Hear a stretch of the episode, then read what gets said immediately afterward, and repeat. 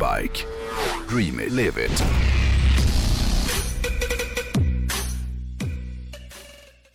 Du, i fredags så körde en lastbil från Northbike i Sundsvall ner till Stockholm för att leverera en hoj som jag har varit så jävla sugen på att få provköra ända sedan jag första gången hörde talas om den. Ah, Jag jag, snack- jag trodde att du skulle säga att en lastbil körde in i din Volkswagen. Nej, det gjorde den absolut inte. Ja, det har den också gjort. Ja, det var, ja. men det var inte Northbikes lastbil som Nej, körde in i absolut din inte. Nej, Northbikes lastbil levererade såklart då Harley Davidsons Pan America. Ah. Eh, vi håller på att göra en liten film eh, om när jag då ska testa den här. Eh, så se till att ni följer Northbike i alla sociala medier för snart så kommer det som sagt att dyka upp en film där jag testar den här hojen.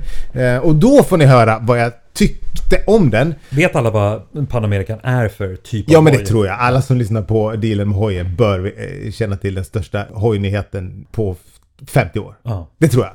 Ja. Eh, Och när vi då är ändå inne på ämnet Northbike så vill jag passa på att tipsa om deras nya kanal som heter Northbike Play. Det är ju ett måste för alla som lyssnar Ja. här. De får gå in och kolla på det här då. Northbikeplay.com Northbikeplay.com och det är en sida som vi hjälper dem med och där lägger vi upp allt möjligt som vi tror att folk som är inne på det här powersport-segmentet ska tycka är kul. Allt från filmer till krönikor och hoj och produkttester finns där. Så är det. Och där kommer ju Panamera, eh, Panamerika-filmen också läggas upp då, så fort den är klar. Så gå in på northbikeplay.com och kolla runt för där finns det mycket gött att kika på.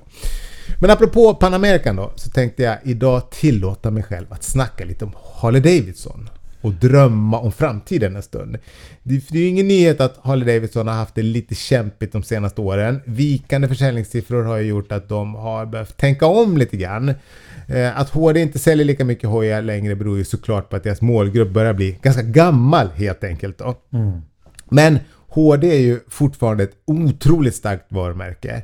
Och de är också smarta nog att förstå att de behöver tänka om lite om de vill liksom fortsätta att vara eh, det varumärke som alla förknippar med liksom den amerikanska imagen och drömmen om att liksom live free and ride free på något sätt. Det är ju Ja. liksom det som har varit Harley Davidsons eh, Signum. signum. På, ja, precis. Därför är det ju inte ett dugg konstigt att de släpper en äventyrshoj då. Men att ge sig in i äventyrsträsket gör ju att man helt plötsligt måste då börja konkurrera med BMW och, och liksom KTM. Och det här är ju inte alls HDs hemmaplan, så det är ju en enorm risk som Harley Davidson tar här. För om de misslyckas med den här hojen, då kan det ju bli ett förödande slag för Harley Davidson, som ju som sagt redan har haft det lite skakigt eh, imagemässigt de senaste åren. Jag tänker inte säga vad jag tycker om att köra Panamerican, det får ni som sagt vänta med att höra om tills filmen eh, kommer ut. Men jag kan säga så här, baserat på vad de riktiga motorcykeljournalisterna har sagt och skrivit om den nya Panamerican, Ja. så är det en hoj som tycks leva upp till alla de sinnessjukt höga förväntningarna som HD har behövt nå upp till för att bli trovärdiga i det här segmentet då. Men, och idag tänkte jag snacka lite om HDs framtid. Men innan jag gör det så vill jag vara jävligt noga med att påpeka att jag inte på något sätt är en expert på just Holly Davidson. I själva verket vet jag knappt ett skit om deras marknadsföringsstrategi. Men jag har ju jobbat med varumärkesutveckling och kommunikation ganska länge. Framförallt så har jag jobbat med målgruppsanalyser och ur det perspektivet tänkte jag att jag skulle snacka lite om eh, vad jag tänker när det gäller eh, de kommande åren för Harley Davidson. Så alla ni HD-experter där ute behöver liksom inte slita av er chapsen och, och s- bli, bli galna eh, om ni tycker att jag liksom säger något som ni inte tycker stämmer. Utan det här är bara mina högst amatörmässiga åsikter och tankar. Ja. Hur som helst då. Harley Davidson befinner sig i ett dilemma och det dilemmat är ju naturligtvis att de ska anamma den nya världens normer och idéer. Där tuffhet och traditionell amerikansk jävlar anamma inte längre är lika sexigt. Dilemmat är ju hur de ska kunna bevisa att de hänger med i tiden men samtidigt fortsätta att vara det HD som deras gamla kunder förknippar varumärket med.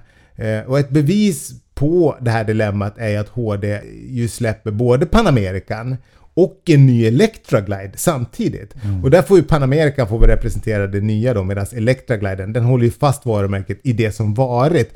Och man kanske inte tycker att det borde vara något större problem att sälja både en stor glidare och en äventyrshoj. Jag menar BMW säljer ju både sin GS och en R18. Men skillnaden är ju att alla vet vad BMW står för. Och BMW är inte ett företag som behöver ändra sin image. Medan HD för tillfället vet att de behöver ändra den de behöver ändra den breda publikens bild av vilken typ av varumärke de är. Och det här gör att de måste ha en jättetydlig varumärkesidentitet de kommande åren om de ska kunna ändra folks uppfattning och få liksom en större publik att inte uppfatta dem som, som gammalmodiga. Nej. Samtidigt så får de inte under några omständigheter tappa målgruppen som har liksom varit HD-trogen i 118 år och har gjort Harley Davidson eh, till vad de är idag. Men de lyckas med att både attrahera millennials och deras mammor och pappor och mammorna och pappornas mammor och pappor. Ja. Det är ju fan inte det enklaste. Speciellt inte om man samtidigt liksom ska vara väldigt tydlig då gällande varumärkesidentiteten. Och just nu så försöker HD därför vara allt på en gång genom att bygga dels en Livewire till millennials, en Panamerika till mamma och pappa då och en stor eh, klassisk Electra Glide till farmor och farfar. Och deras tyska VD han Jochen Seitz han har ju även belyst just det här. För inte så länge sedan så sa han att de ju inte kommer att utveckla några nya hojar som inte har ett tydligt HD-arv. Och att eh, det är därför som de har beslutat sig för att liksom låta den här Bronxen inte gå i produktion. Vilket jag tycker är jävligt synd då. Så det Mr. Sight säger här är alltså att de ett ska investera i de segmenten där de är som starkast. Det vill säga cruiser-segmentet. Därav Electragliden då. Och två, på sikt expandera in i segment där de känner att de kan konkurrera, därav Panamerikan. Och tre då, utveckla elsegmentet. För om de, de har ju förstått att de har liksom inte råd att missa det tåget. För att om de kan bli framgångsrika där, då kommer de ju automatiskt få en otrolig skjuts framåt när det gäller den unga publikens bild av Harley Davidson. Och nu har de ju valt att bryta loss Livewire-namnet och låta det bli ett helt eget märke. Jag vet inte om du visste det? Nej. Alla HDs elhojar kommer ju i framtiden vara Livewires och inte Harley Davidson. Eh, Och jag vet inte om det här är smart eller inte, men det kommer liksom bli ett, ungefär som Buell var när de köpte Buell. Liksom Ja, ett, ett undermärke för någonting. Alltså varumärken är ju livrädda för att missförstås. ja, Men, men det som ligger i HDs arv, det som du var inne på, det är ju att Eh, de har alltid varit ett ganska coolt varumärke. Mm. Och det som kännetecknar coolt, det är ju att man är autonom, alltså man är självständig. Ja. Och för att man ska vara självständig, då måste man vara normbrytande. Ja, det är det det. som HD på något sätt alltid har varit. Man har, man har brutit mot den gängse normen. De har skilt sig väldigt mycket från europeiska och japanska. Man har varit outlaws. Man har varit, man har varit, ja det är liksom ingen riktigt som har kunnat komma, åt dem. Men, Men, problemet är ju att Panamerikan den... blir ju normbrytande Ja, i att, att det blir en helt ny typ Helt av ny typ av ja. Men att, att eh, klippa ut Livewire, frågan är om... Eh, är inte det helt knasigt? Jag har ingen aning. Jag, jag tycker det är jättesvårt att svara på. Men, eh, ja, det, men jag känner så här. Förmodligen kommer ju nya Electrogliden. Den kommer ju sälja väldigt bra. Ska jag kunna tänka mig. Det kanske blir den sista hojen som många boomers köper. Jag tror också att den nya Panamerikan kommer att sälja skitbra. Och det beror ju på att den, den väl, det är en väldigt väl sammansatt äventyrsmotorcykel som verkar kunna, som jag sa då, leva upp till alla krav som den här äventyrsmaffian ställer på den här typen av hojar då. Eh, Men, men sen har jag ju som sagt velat att HD skulle våga satsa på att bygga en elak Street Fighter med den här nya Revolution Max-motorn som sitter i Panamerikan. Men det ska de alltså inte göra, för de tycker att den kvalar liksom inte in som en hoj med tillräckligt mycket HD-arv då. Eh, men jag tycker att de skulle kunna peka på arvet från Buell, men det kommer de hur som helst inte göra. Men istället då så ryktas det om att de ska bygga en ny cruiser med den nya 1250 Revolution Max-motorn. Och förmodligen är det den som eventuellt kommer att heta Nightster. Har du sett den? Nej. Så här ser den ut. Ja, den har jag sett. Ja. Eh, Den är väl tänkt att bli nästa generations på något sätt högteknologiska cruiser. Eh, Och jag har svårt att avgöra om det är en bra idé eller inte. Förmodligen är det en bra idé. För jag tror att det finns tillräckligt många halvunga bikers där ute som fortfarande gillar cruisers. Men som känner att de vill skilja sig från liksom, tanterna och farbröderna på Sturgis. Eh, jag, jag tror att det är samma målgrupp lite grann som tidigare köpte eh, Harley Davidsons V-Rod kanske. Men jag känner nog att jag tycker att de skulle göra det. Borde de skulle bygga en hoj som andas lite mer club style och som har liksom Revolution Max-motorn. För det är en grym motor om man vill åka snabbt då på något sätt.